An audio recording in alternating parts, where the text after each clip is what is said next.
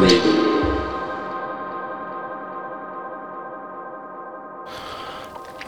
Tere, head kuulajad, eetris on värske rõhu kirjandussaade Rõhk ja mina olen tänane saatejuht Mari-Liis Müürsepp. meie tänane saade on justkui väike kirjandusõhtu või kirjanduspärastlõuna. minuga on stuudios kuus väga erinevat autorit ja kuigi me oleme kõik poeetiliselt väga erineva stiiliga, on meil kõigil siin täna midagi ühist, nimelt oleme kõik kirjandusõhtu viimane neljapäev püsiesinejad.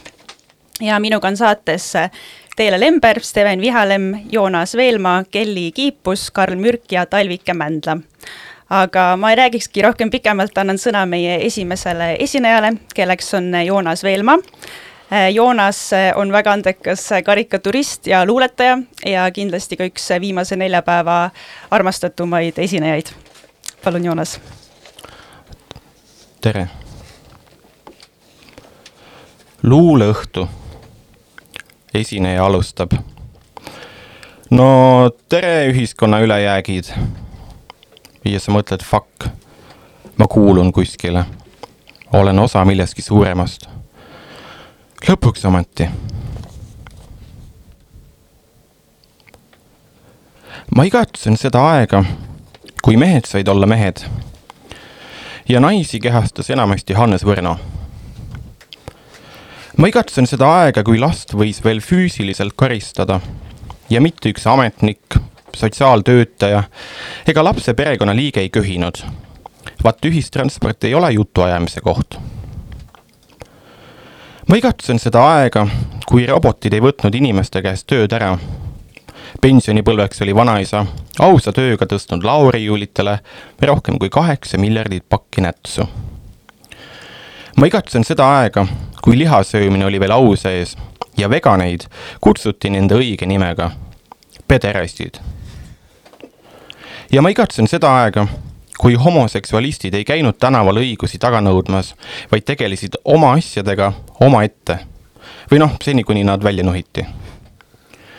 ma igatsen seda aega, kui ülikooli lõpetajad ei tahtnud kohe kaks tuhat eurot kätte saada. no nad tahtsid kümme tuhat krooni mis oli sel ajal sama suurusjärk, aga asi on põhimõttes. ma igatsen seda aega, kui inimesed ei plaganud välismaal õnne otsima. mida mujal on, mida meil pole, peale Serena? ma igatsen seda aega, kui inimene ei pidanud häbenema, kes ta on ja mida mõtleb ning võis hirmuta anonüümselt kommenteerida. ma igatsen seda aega, kui kõigil oli kodus lauatelefon ja kui vastu ei võt-, võetud teadsid kindlalt, järelikult pole kodus. või siis ei taha rääkida. ja ma igatsen seda aega, kui filmid olid veel kvaliteetsed, nii et ei pidanud igal aastal uut tegema. kõik läheb halvemaks ja seda juba aastast no ma ei mäleta enam, aga umbes ajast, kui ma kaheksateist sain. hashtag pask. täna on täiega teisipäeva tunne, sest täna ongi teisipäev ja kui on üks asi, mida teistest paremini oskan, siis ärgates telefonist vaadata, mis päev on. nutitelefon ei tee sind ise nutikamaks, seda tuleb ikka kasutada osata. saigi luuletus valmis, tagasi telefoni, näe, täna on teisipäev.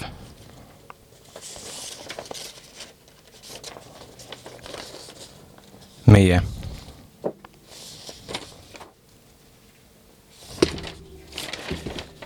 me kõik oleme samast liigist, vennad ja õed, välja arvatud nemad. Nemad on teistsugused. meie oleme sündinud puhta hinge ja armastusega südames. soovime paremat maailma, selgemat, kus headusel on hea. Nemad on kurjuse mäda. meie mõtleme oma peaga, astume dialoogi, argumenteerime. Nemad on lihtsalt lollakad meile ei meeldi nemad, neile ei meeldi meie. nagu vangile ei meeldi trellid ja trellidele ei meeldinud, et kohtusüsteem takistas tal Michael Jacksoniga pikemalt kohtuda. alati on nemad, alati on meie.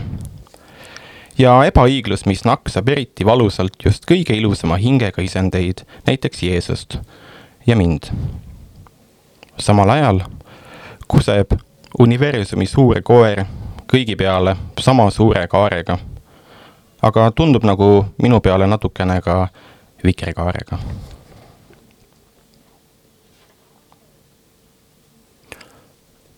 revolutsioon.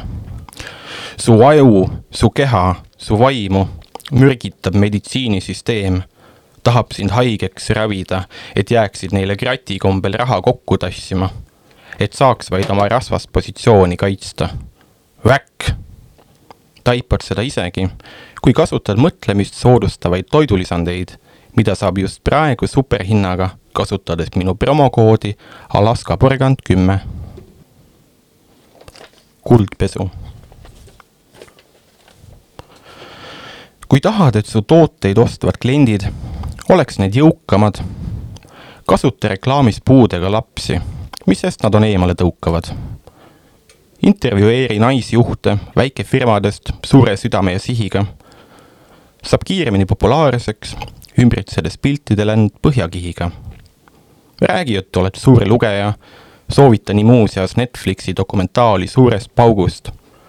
kajasta seda Instagrami story's, välja lehvitades jääaugust teisest maasturist loobudes kohe mine Facebooki kallid sõbrad, tulevik on roheline, suhestu muutunud kliimaga, lase end jäädvustada koos kaerapiimaga. Ja mõisteid nagu kogukondlik ringmajandus heida oma igapäevasesse kompotti. ütle, et oled põnevil, kuhu maailm liigub, ringiga su rahakotti. ja kui see ei tundu loogiline, siis elu ei olegi loogiline, ei ole eetika alused, vaid äri ning imagoloogiline Ameerika on miljoni võimaluse maa, mis tähendab, et sealsed ülejäänud kolmsada kakskümmend kaheksa miljonit inimest peavad kuidagi teistmoodi hakkama saama. miinusmärk sulu ees on võimetu midagi muutma. kes ikka ise muutuda ei taha, temal ei saa miinusmärk sulu ees abiks olla. ja kes tahab, saab ka sellega hakkama, enamasti mitte. miinusmärk sulu ees ei usu üldse, et maailmas midagi muutub. miinusmärk sulu ees on progressi suhtes pigem skeptiline.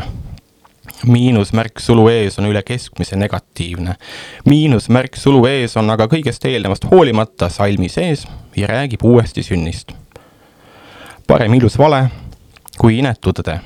ja kuidagi peab ju raha teenima muutu juba täna, roni sulu sisse ja oota, kuni sinna ette tuleb miinusmärk asjad lahenevad, elu on ilus, kõik läheb paremaks ja kui ei lähe, siis vähemalt läheb reimi. Läksin lahku oma tüdrukust, sest ma ei olnud oma eksist üle saanud. temaga läksin lahku, sest polnud eelmisest üle saanud. ja enne seda eelmist oli veel üks eelmine ja üks veel ja saate aru küll nii lähebki see lugu edasi ja edasi, kuni olin veel viiene ja esimene tüdruk Piret mind maha jättis. Piret, kus sa oled? aeg on võtta vastutus.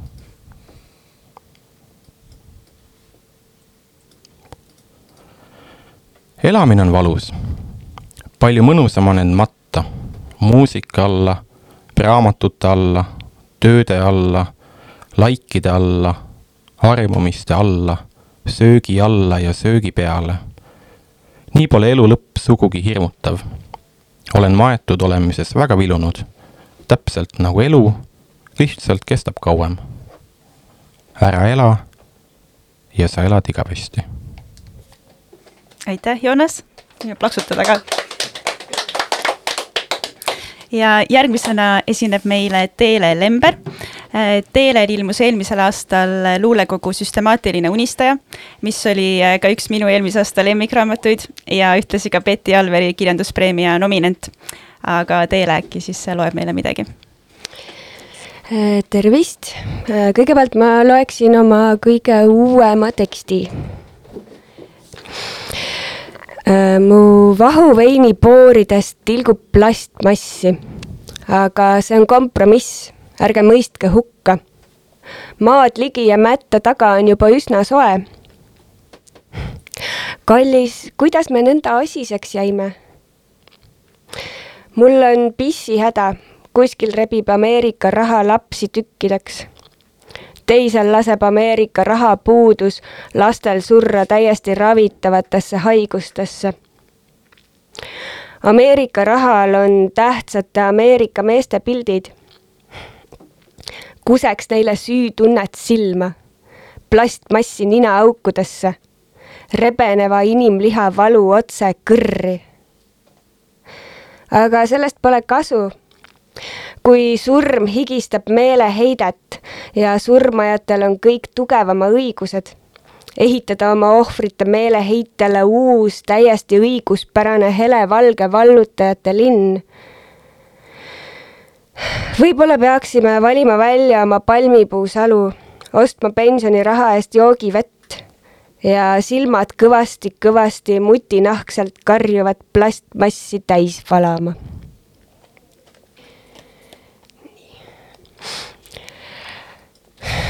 juba palju aastakümneid vaevab meie planeeti inimtekkeline gravitatsiooni vähenemine. Üks julge naine kirjutas sellest juba kuuekümnendatel, aga ta tembeldati hulluks mitmed miljardid inimesed teenivad päevast päeva võõrast vara, et mitte nälga surra. ja gravitatsioon väheneb. käputäis rikkaid seaduste ja sõjaväe selja taga jumalat mängimas ja gravitatsioon väheneb. Väikesed tigedad rahvad, suured tigedad rahvad põrnitsemas oma piiride taga ja gravitatsioon väheneb loomine ei ole kasumlik, hoolimine ei ole kasumlik headus ammugi mitte ja gravitatsioon väheneb. aga õnneks skp ei vähene.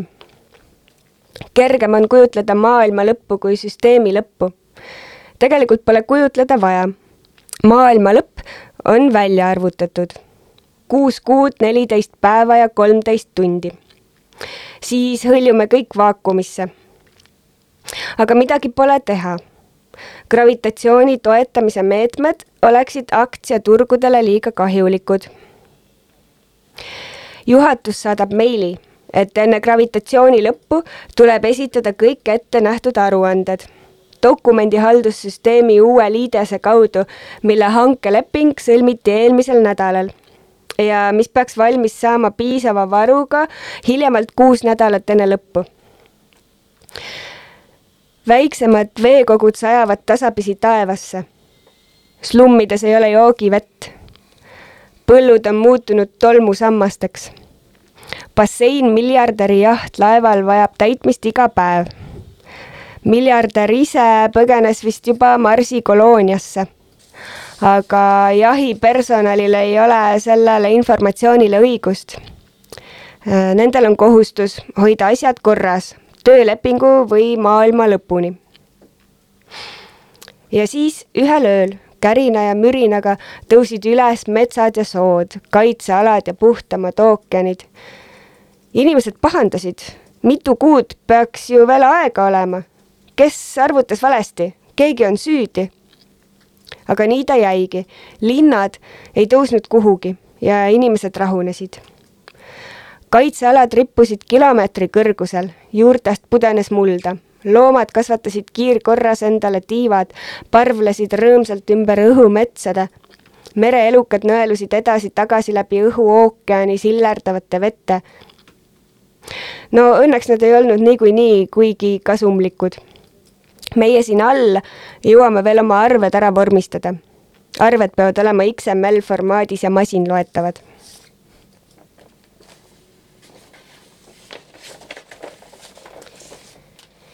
nii, see on eelmisest aastast äh, üks, üks tekst, kui äh, mäletate, sügisel oli hästi soe, hästi pikalt.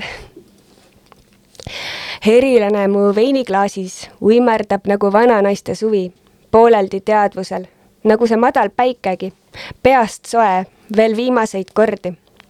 herilane mu kleidi all, herilane rõdu piirdel, herilane põrklemas peaga vastu rõduakent Need on tööherilased, loodud ainult tööks. Nad surevad varsti ära, kas teadsite? üle talve elab ainult suur ema, teised on juba ära koondatud. Neid pole vaja, uitavad sihitult ringi, sellepärast ongi nad suve lõpus nii tüütud. Kellele meeldiksid surevad töötute hordid, relvastatud ka veel, otsivad suhkrut ja muud narkotsi. ehk oleks humaanne nad äh, kohe maha lüüa. ei, selline arhailine lähenemine on tänapäeval kohatu. humaanne oleks siiski äh, leida neile talveks tööd võiksime kehtestada erilase pesa putuktegevuse strateegilise planeerimise kohustuse, nii et oleks vaja strateegilise planeerimise direktorit, strateegilise planeerimise asedirektorit, strateegilise planeerimise süsteemi inseneri, strateegilise planeerimise andmeanalüütikut strateegilise planeerimise osakonna audiitorit, strateegilise planeerimise eksperte ja dokumendihaldureid, IT-tuge raamatupidajaid, kommunikatsioonimudijaid, herilas töölisressursi kasutuse ja efektiiv, efektiivsusnäitajate tõstmise eksperte ja kõigile assistente. siis saaks eluga edasi minna. töö teeb herilaseks. nii nüüd äh, lõpuks loeks, loeks midagi ka siit raamatust, mida Mari-Liis mainis. mu sõbral tuli vesi tuppa, tuli muda tuppa, tulid elusad maod tuppa, vesi läks, maod jäid.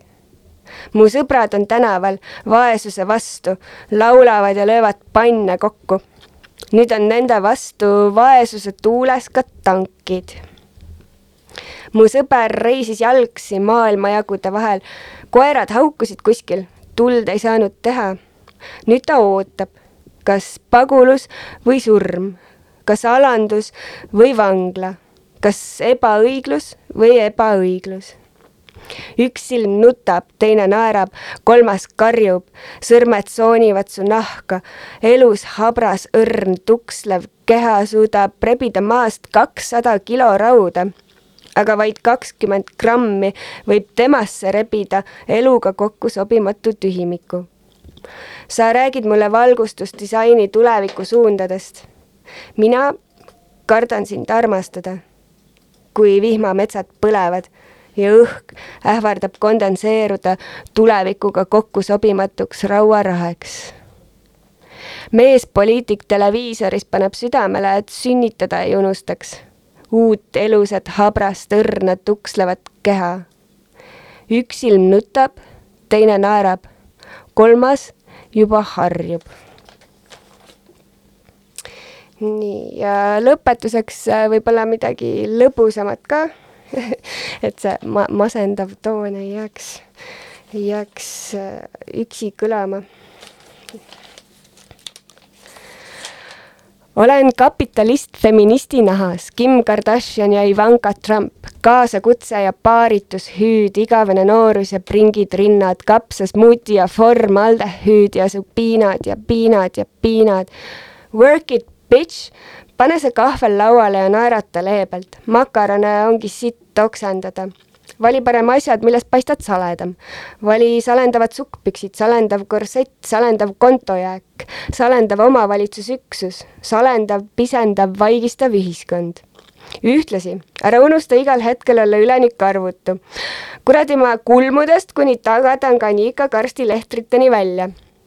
enne seksi koori kindlasti küünarnukid, eeterlike õlide ja klaasikildudega, kuni nad lõhnavad rafineeritud nafta ja greipfruudi järele, nii et su mees erutusest infantiilistub. ja enne seksi ole kindlasti üleni sile ja pehme nagu beebi, sest meestele meeldivad ju äh, beebid.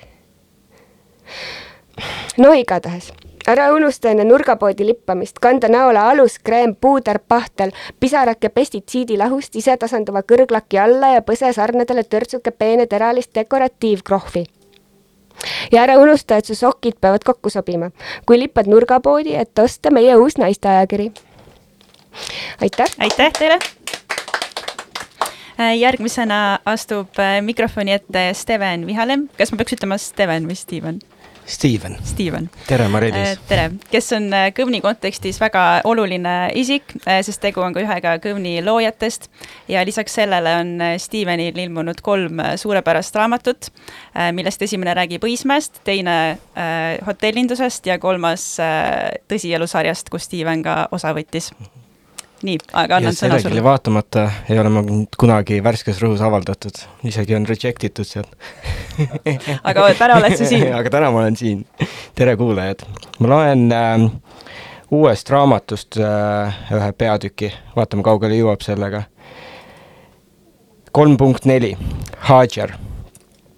taevas on tinahall, üksikud kajakad liuglevad selle all ja lörtsi kukub paraadne vari katuselt kahel plaatidele. Plirts ja plörts number nelikümmend kaheksa maja esine on samasugune nagu enamikel tornmajadel. keldrikorrus tõstab selle kõrgemale maapinnast ning paraadne ukse ette pääseb ühelt poolt mööda kaldteed ja teiselt mööda treppe. kaldtee on tänu järsku alanud sulale muutunud kohutavaks surmalõksuks, kus julgevad alla minna vaid kümneaastased tattninad, rõõmuhõisete ja kergete peapõrutuste saatel. seina ääres kükitab sorgus rastapatsidega multifenotüüpne lõngus. tema rõivad hoolekat hoolimatu segu pungist, ökofanatismist ja külastuspäeva eelsest hüperrõivast. Need on altpoolt põlvini läbi vettinud ning ülalt kubemeni mulla, tuha ja ebamäärase ollusega määrdunud. ta vaatab ärevalt kord ühele, kord teisele poole, kratsib pead ja suitsetab iga viie minuti järel uue sigareti. iga uue sigareti peale vajub tema keha aina rohkem längu ta on meeltel käija, nagu mõni on närvidel käija, siis tema käib inimestele meeltele. Tema kehahoiak on mõttetu, ta ei ole ei küürus ega rind ees kummis, ta on kord rohkem, kord vähem längus. see riivab silma ja masendab. tema hingeõhk haiseb vaheldumisi suitsu, kohvi ja savu järgi. tihtilugu ei söö ta korralikult ja see haiseb hoopiski maohappe tühjuse järgi. enamus tema riideid on kas sama vanad kui tema vanemad või isegi vanemad. Nende kopitanud haisu varjab vaid tema treedidelt hõnguv lehk, mis sarnaneb aasta aega kantud villaste sokkide järgi. tema muusika on juba aastaid terroriseerinud kõiki tema paraadne elanikke. seda on neljandalt korruselt paraadne välisukseni kosta ja kui ta leiab patareisid, siis kannab ta kaasas antiikset supakat, et ka tänapäeval kõndides teisi oma muusikaga häirida ning siis, kui muusika ei mängi ja ta jalutab lihtsalt tänaval, segab ta teisi oma rinnamärkidest ja kettidest kolisevate riietega. ja siis, kui on suvi ja tal on jalas lühikesed püksid ja seljas maika, siis lohistab ta kõndides oma jalgu nii, et seda on kuulda juba viiekümne meetri pealt. ta sööb viisakalt, suu kinni ning ei matsuta. selle asemel käivad tema lõualuud iga mälumise peale korraks paigast ja tekitavad nihestuvat niginat.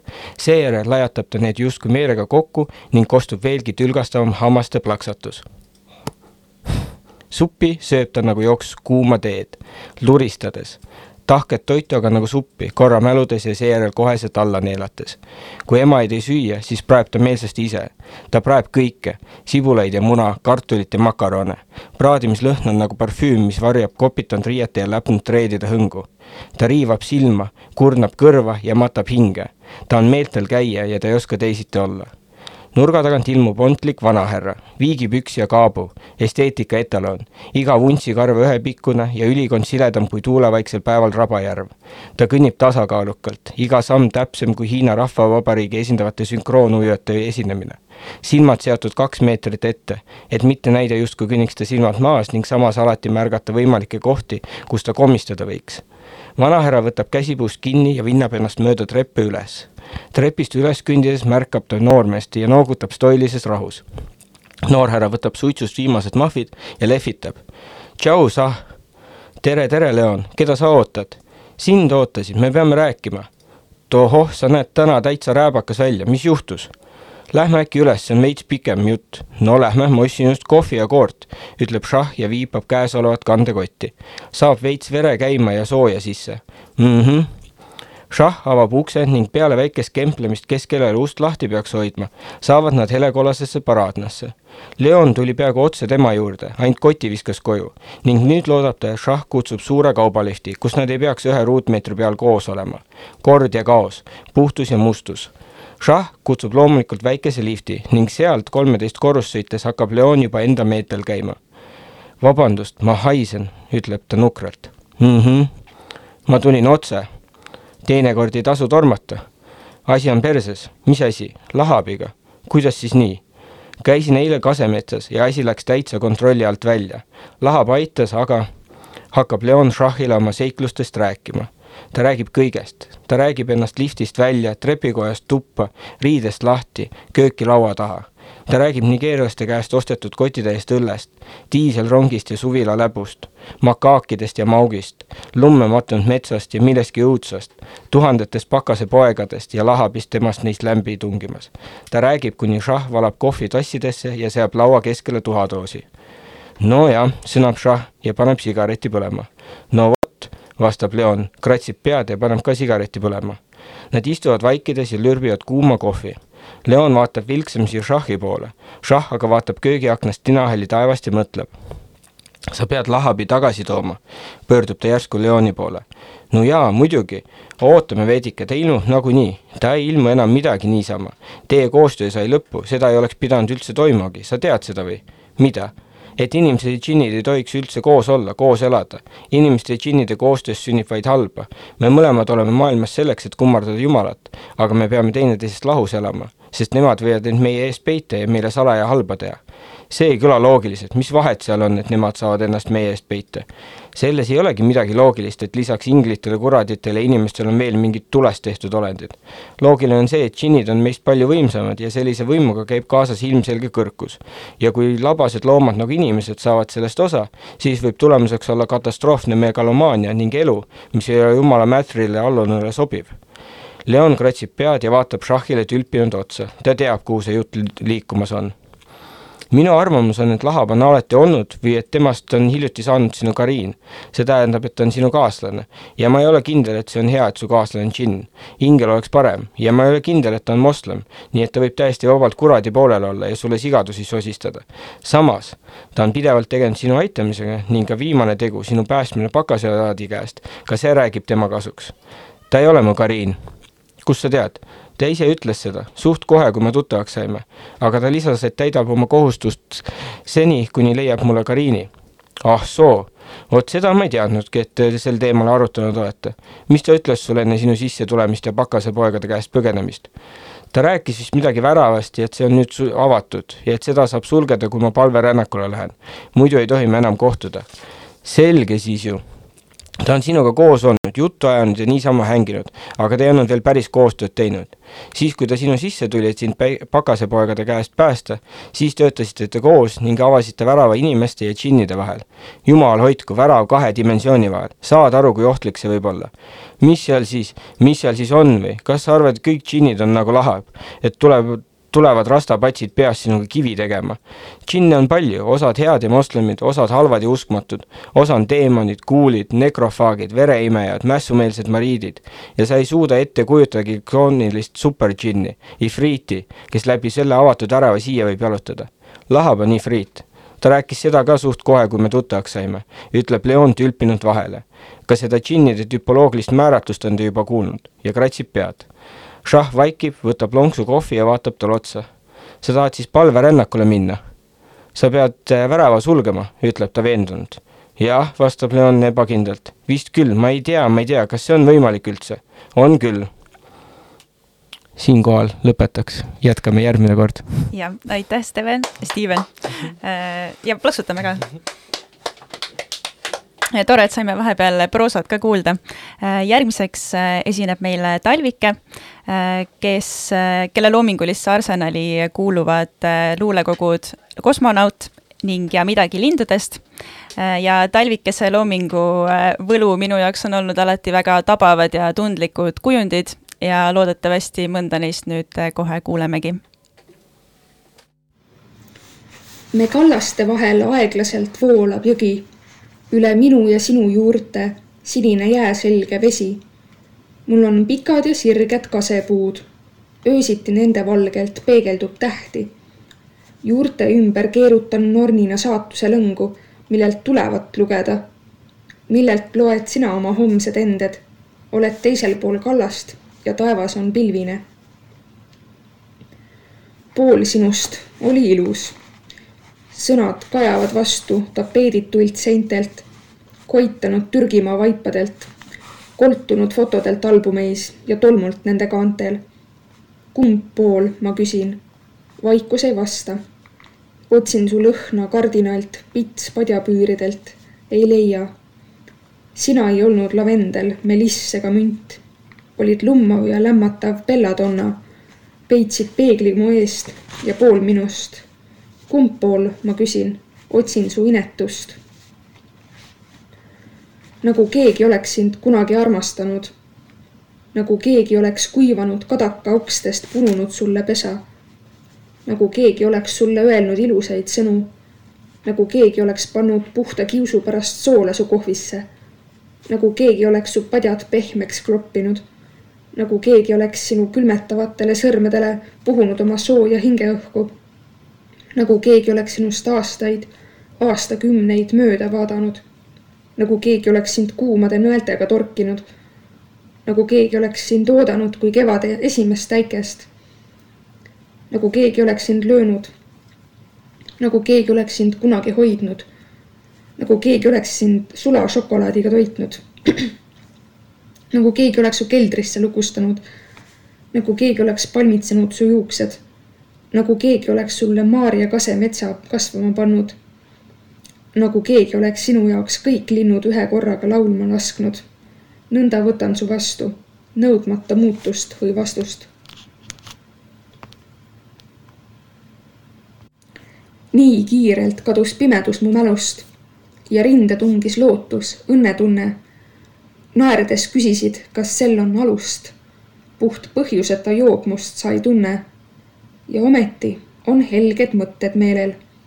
Rõõm päikesest ja porist sulalumest. ehk küll sul ainult keelitused keelel. usun, ärkad sinagi pea talveunest ja jagad minuga üht kerget, kerget hetke. kui soojus ennast talvest murrab läbi, on sinu sammgi kevadiselt nõtke sinu sõnadeltki sulab valehäbi. ikka tõest teise tiiblen, üht õiget valimata. seejuures teistest õigem ei jäta olemata ja ilusam ja parem, mis sest, et pää on segi. sest ega olnud terve ka see, kes ilma tegi. näe, juba jumalaga end võrdlen juhuslikult ja üles tunnistan, et vahel eksin südamlikult et tiivad ühe õigeni ei pruugigi mind kanda. ma tiiblen tõest teise endale, et andeks anda.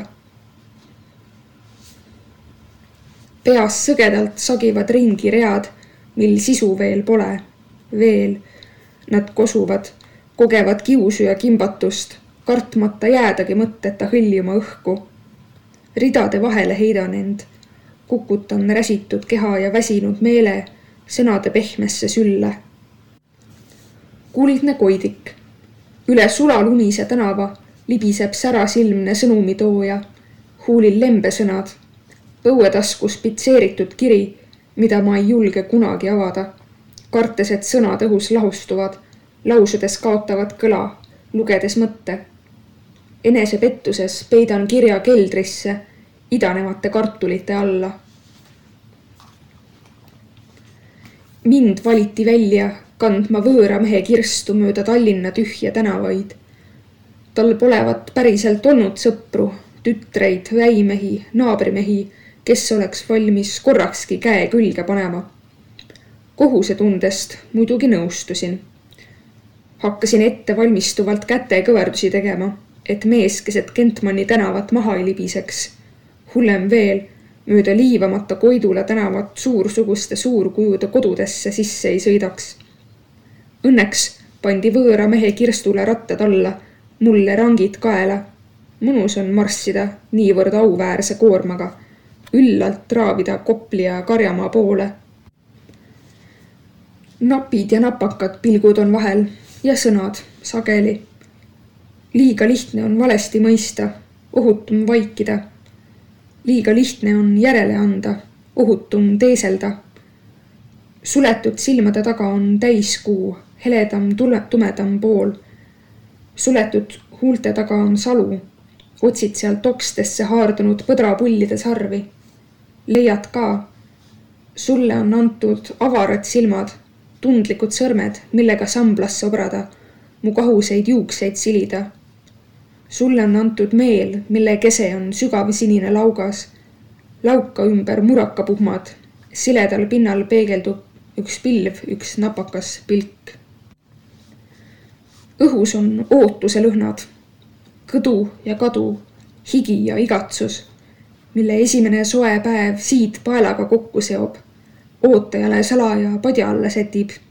nii pidavat unes õnne ja armastust nägema. ilmsigi õnne ja armastust nägema. peitun oru põhja kui erak. laon oma koopa suule kändudest ukse, vooderdan savi ja süljega. koopa seintele maalin ruunimärgid, pigem lohutuseks kui kaitseks, ilma elu ja reetmise eest. Orus on vaikne, vaevu on kuulda kurjade keelte laginat. kaevun nii sügavale, et kuulen ainult oma mõtteid, neistki vaid valituid sätin end koopa keskele istuma, pea rinnal, käed põlvedel. jään uut ilusat ilma ootama. linnud laulavad mu akna taga täna lausa vägivaldselt, justkui kuulutades midagi, mida ei oska veel peljata. On see õnn? tema eest olen juba aastaid pagenud, oh te rumalad linnud. taevas on selge ent minu katuseplekil tantsib vihm oma tormieelset tantsu. tõmban kardinad ette, et päike tuppa ei paistaks. ei taha vihma ju eemale hirmutada. tea, kuhu teine veel põgeneb. pärast oleme pool aastat põuas. möödunud aastane päike vaevu veel veiklemas põues. Jäi vahele südametuks, jäin korraga südametuks hingki välja puges mu seest, rõõm hetkeks pages mu eest. kui kätte sain, enam ei lasknud lahti. haarasin käest, ei tormata andnud mahti. nüüd istud mu kõrval nii vagane, lubad, et enam ei tagane toanurka või kardina vahele, et südames ruumi on kahele. õiget takti taas lööb tuks-tuks. Ent õige pisike osa minust ettevaatlikult jääb suletuks mu südame põhjatus Paisjärves elab kaheksa kokre, nelikümmend kolm ravikaani, üks vesikirp ja sina. kükitad kaldakõrkjais, punud pilliroost parte, ootad parajat hetke, millal sisse hüpata. mu vesi on kuum, põhi mudane ja mudas on kinni vanade aegade vaevad.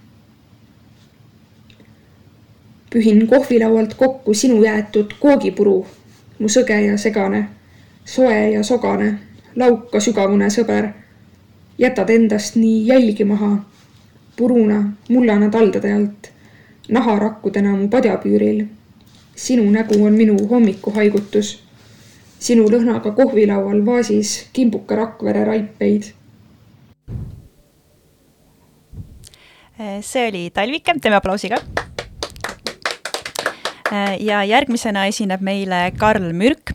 Äh, Karl on äh, härra, kes peab väga head podcast'i, väga harivat ja põnevat podcasti, taskuhäälingut nimega Positiivne mürk. kui te ei ole seda veel kuulanud, siis kindlasti soovitan, väga põnev saade Äh, ja nüüd Karl ka luuletab meile, palun. suur tänu, Mari-Liis, väga äh, suur au on siin olla, eriti arvestades seda, et ma satun Kõvnile nii harva, seda enam aitäh kutsumast.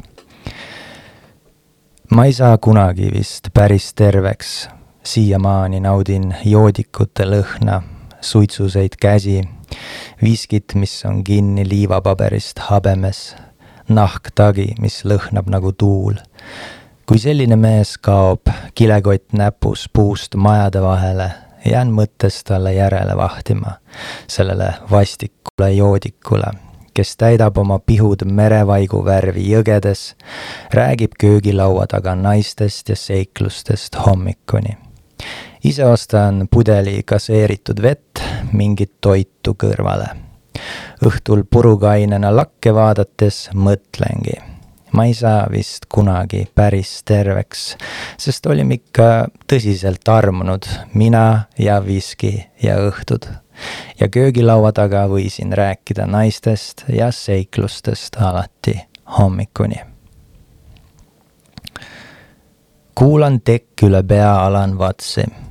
olen nagu telgis, telefon lambina käes, Watsi sõnad palsamiks öös. ei teagi, miks äh, tekk värk üle pea nii turvalise tunde tekitab, see vaid ju natuke riiet ja vaid tiini. mõrvari nuga tuleks siit läbi, jalahoop kõhtu tuleksid läbi. aga ikka mässin ennast mõnuga tekki, kõik lahtised kohad hoolikalt kinni. toas on pime, teki all põleb tuhm tuli. tunne on nagu ema kõhus. hommikuni pole mind olemas ühe paksu mehe tagumiku vahe ulatus pikalt pükstest välja, kui ta lettide vahel alumise riiuli kaupu uuris. mulle meenus millegipärast jukeboks ja tundsin kiusatust sinna seinte lasta. huvitav, mis lugu mängima hakkaks?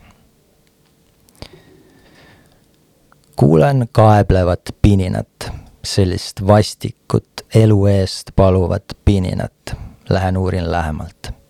sääsk on ämbliku võrgus, vibreerib seal minoorsete pininate saatel, täiesti lootusetult kleepuvas niidis kinni. rahulikult tõstab ämblik jalgu, nagu käsi mängib klaveril aeglaseid viise ja liigub sääsele järjest lähemale. tõstan kiiruga pingi võrgu juurde valmistan kaks Nutella saia, mille serveerin endale ühekordsel papptaldrikul ning istun olukorrast osa saama. selle etenduse nimi on Kaheksa jalaga karma. muhelen võileiba hammustades ja varbaga oma punnilist kanda sügades kissitan näoga päikese poole, ripsmete otsas valguse tilgad keha tunnistab, et on seda igatsenud, seda valgust, mis meenutab, et tahaks maale, linnast minema. kuigi tean, seal on toad veel külmad, diivanilt tuleb äh, kloppida rotisitt, uksed ja aknad tuleb avada, siis tekib puudutus, inimese ja õhu puudutus.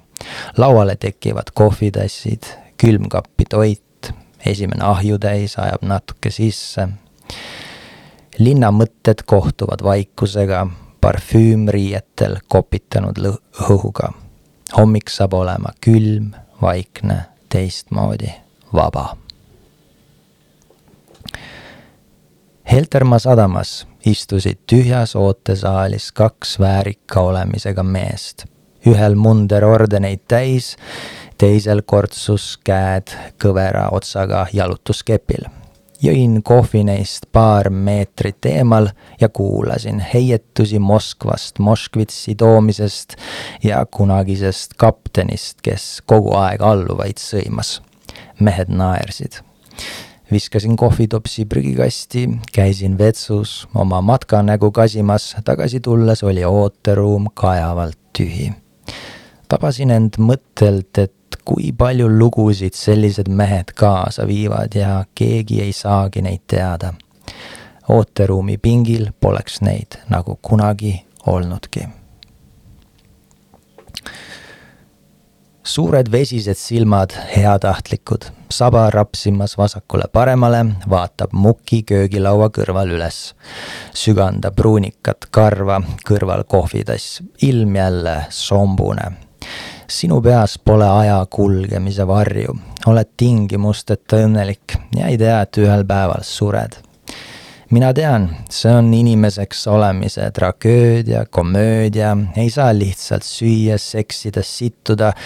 miski sunne, sunnib ka mõtestama, vastutama, viimast võtma, samas ise terveks jääma. elame küll rihmata, aga mõnes mõttes oleme rohkem ketis kui sina aga eks hoiame meiegi saba rõngas, alati ei jõua, oleneb päevast, tubli koer oled. mõtlesin ühel päeval oma põhikooli õpetajatest, nendest, kelle käe all sai üheksa aastat õpitud.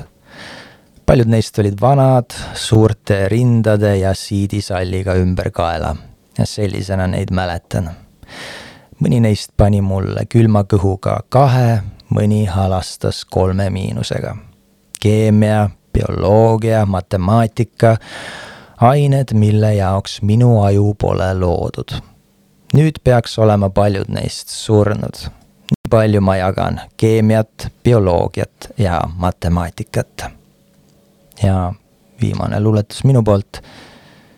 kui poisikesena supervõimeid arutasime, tahtsin kas lennata või nähtamatu olla. Nüüd mõtlen, et lennates hakkaks külm ja nähtamatud oleme kõik juba niigi. aitäh! aitäh, Karl! Ja viimasena võtab meie väikese kirjandusõhtu või kirjanduspärastlõuna kokku luuletaja nimega Kelly Kiipus.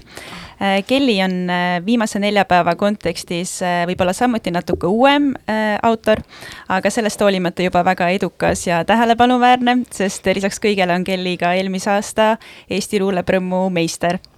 palun, Kelly. aitäh. esimeseks luuletuseks on Häbi sa ei öelnud mulle, et tahad minu sisse kaduda. ma lubaksin, kui teaksin, et sa minu külalislahkust ei kuritarvita. aga kas su saapad on alati mustad, häbiga kaetud, vabandustega kinni seotud? sa laotad end alati laiali, aga mul on kõrini sinu osade otsimisest, klaveri alt, pistikupesadest. ma tahaksin lihtsalt tee lauale tuua. homme ostan sulle uued palteta saapad teed joon üksi, häbi ei tunne. järgmist luuletust äh, sai näha ja kuulata ka just ilmunud äh, Tundekasvatuse filmist. mul ei ole täna kellegagi rääkida. pöördun oma käte poole. Nad lihtsalt on mu süles ja nad mäletavad. ma ootan künkal oma isa viisin isegi koera tuppa, sest talle mu papa väga ei meeldi. armukadedus ajab haukuma. ma ootan. punane flanellkleit seljas, nii palav on. aga see kleit on mu lemmik, sest selles kleidis juhtuvad alati head asjad. mu käed lehvitavad tänasele minale ma ei kuule sireene, ma ei aima halba, ma tahan lihtsalt issiga koju minna, ma ju viisin isegi koera tuppa sekundid ootavad järjekorras, et edasi tiksuda, aga ma ei luba. Need ei saa enne edasi liikuda, kui mina olen valmis, kui mina olen suuteline liigutama oma käsi. vaatan oma isa, vähemalt ma arvan, et see on tema. näost ma ära ei tunne, aga ma tean ta lõhna ja peaasendit, kui ta mind oma plikat vaatab ja ma tunnen alati ära oma isa käed ma ei tea, mida ta näeb ja kas ta usub perekonstellatsiooni teooriasse, et meie tunded, teod ja mõtted on meie esivanemate vara, miski, mida me alati ei taha, aga peame vastu võtma ja veel ka kummardama. ma ei käinud esivanemate testamentide ettelugemisel, aga see kõik siiski kukkus sülle ja keegi ei vabandanud. mu isa käed on sellised, mida mulle pole kunagi meeldinud vaadata. ainult pea peal ja seljal on need turvalised, aga need on koledad küüned on lühikeseks näritud nagu vali kümme asja, millest soovid oma elus vabaneda. käed on karedad, sest kui sind on kahe kušeti vahele seotud, siis kuidas sa saad elu enam tagasi siluda paksud veresooned, sest köiega kinni seotud käed siiamaani pumpavad verd normaalsesse rütmi, veri otsib kohta. vaatan meeste puhul alati esimesena käsi. kas ma lubaksin neid oma särgi alla, kas ma lubaksin neil riiuli seina panna? Aga käsi minu suguvõsas, neid ma ei saa valida. seega, kui minu vanaonu on püüdnud võtta minu isa käsi ja minu isa ehk minu, siis mida minu käed võtavad? ma ei suuda lahti lasta, pigem haaran kõike, mõtteid, tundeid, sõnu, kõike, kõike, kõike, enne kui otsa saab, enne kui käsi enam pole. mis korduse siis mina olen siit pärinud? hirmu minu vanaonu käed, mis olid kurjad ja sõnad, mis tapsid osa minu naiselikkusest, panevad minu käsi alati pipragaasi järgi haarama, tegema mind ettevaatlikuks, kui mõni mees mind liiga pikalt vaatab, tirivad mulle selga pikema seeliku, mu käed on rusikas, tähendab, mu isa käed on rusikas, tähendab, mu vanaonu käed on rusikas, kelle omad siis? see peab kuuluma edasikaebamisele. pöördun oma käte poole. Need on minu käed ja minu tulevaste laste käed ja nende laste käed ja nende laste käed ja nende laste käed ja need on vaja puhtaks pesta, sest vanadele fotodele albumis ei tohi jääda näpujälgi. minu käed on proovinud terve elu mu oma isa kaitsta.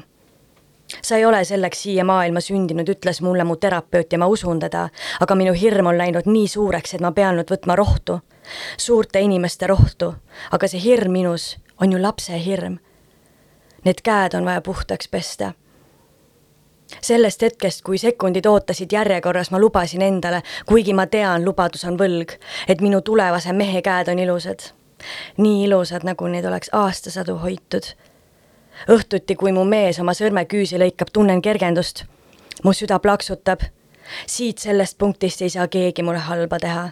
ma ei pea enam jooksma, ma luban neid käsi igale poole ja ma isegi ei mõtle.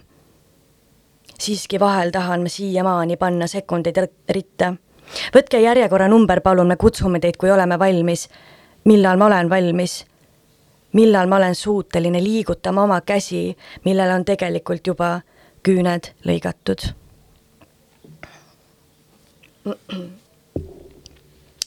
mina, minu mees ja depressioon oleme nagu anekdoot. me ei istu baaris, äh, magamistoas oleme. Ma pole kunagi kolmeka fänn olnud, sest tahan oma meest ainult endale aga ikka see meeleolu langus ja ebakindluse tõus nügib me vahel, ei lase mul mu mehega armatseda, ikka istub mulle kaksi-raksi peale, suudleb mulle pähe mõtteid, aga mis siis saab, kui ta homme mind ei taha? ma olen näidanud oma tõelisi värve kogu palletti. seitsesada seitsekümmend tooni musta ja seitsesada seitsekümmend tooni valget, Fifty Shades of Grey.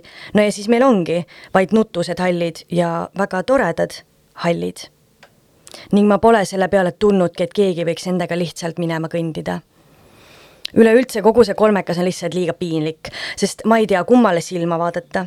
liiga väsitav, sest ma ei tea, kes kellele ja kuidas see käib ja natuke valus ka, sest kui homme depressiooni pole, siis kumba varianti mu mees eelistab. tahaks elada maailmas, kus ma oskaks oma kolmekaid paremini valida. mõni aasta on küsimuste, mõni vastuste aasta kas esimest armastust loetakse silmapilkude või karikakröite järgi? Kas vana arm siis roostetab või ootab, kuni seda suppi teist korda soojendatakse? kas armastus saab otsa või kasvatakse sellest välja? ma olen nii tänulik, et tagasikäik, üle õla heit oli nii väärtuslik, et sa otsustasid tagasi tulla, minuga olla, mind ikka tahta.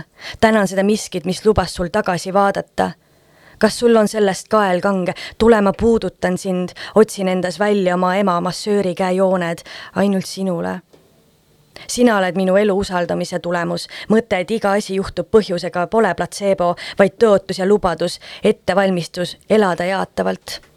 ma jaatan sind südamega, hingega, kehaga, meeltega, nagu luban ennast jaatada, sest, sest miks eitada, kui süda tahab olla talle omases olekus, täita oma ülesannet. ma võlgnen selle talle ma tunnen end turvaliselt ja ma tunnen end kindlalt, tean end hindad oma kulla väärtust, sest kuld on lõpuks ometi õigetes kätes, jättes teised kõik selja taha ma usun armastusse esimesest silmapilgust, aga see saab juhtuda, kui silmad on lahti. ma vahest korraks sulgen, et kohalolekut kontrollida, aga siis jälle avada, vaba langeda ja kui karikakrad sillutasid tee sinuni, armastab, armastab, armastab, siis neid tahan oma hauale me ei roosteta, me lööme läikima ja me pole supp, vaid see pitsa, mis teisel päeval palju paremini maitseb, sest oleme terve aasta pohmellis olnud, oleme teine tulemine reketimängus seekord ühes tiimis.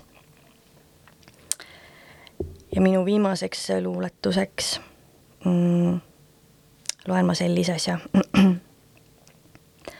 Mulle läheb hinge, kuidas sa alati enne magama minekut mind enda sisse voldid aga kuidagi juhtub nii, et ma ei lähe kunagi kortsu, vaid jään hoopis magama. minu piirjooni oskad ainult sina näha, võib-olla sellepärast ma ei kortsugi. sa voldid mind enda sisse ka siis, kui su külmik mu peal uriseb ja su veekann mu välja vilistab. aitäh! aitäh, Kelly! Äh, sa tahtsid millestki veel rääkida? jaa, mul on tegelikult üks kutse. kahekümne kuuendal juunil algusega kell viis toimub äh, Võsul Ukulele luulefestival ja ma väga ootan kõiki sinna kes on suured luulehuvilised või kes üldse ei tea luulest midagi, et meil on äh, väga kihvt line-up, et Mari-Liis on ka tegelikult tulemas. Ja siin on veel mõned läbirääkimised, nii et äh, rohkem infot saab Ukulele Võsu Facebooki lehelt. Ja ootan teid kõiki. aitäh! Äh, sellega hakkabki meie väike kirjandusõhtu lõppema. Äh, ma tänan kõiki esinejaid ja kuulajaid. Äh, kui teile meeldisid meie tänased esinejad või te tahaksite neid veel kuulata või hoopis ise laval üles astuda, siis soovitan jälgida viimase neljapäeva, kirjandusõhtu viimane neljapäev Facebooki lehekülge, kus saate infot meie uute ürituste kohta. ja äh, lugege värsket rõhku äh,, tänan ka Ida raadiot, kes meid siin väga lahkelt vastu võttis ja Äh, tänan kõiki esinejaid, kuulajaid, soovin teile kõigile ilusat äh, äh, siis juba suve ja peatse kohtumiseni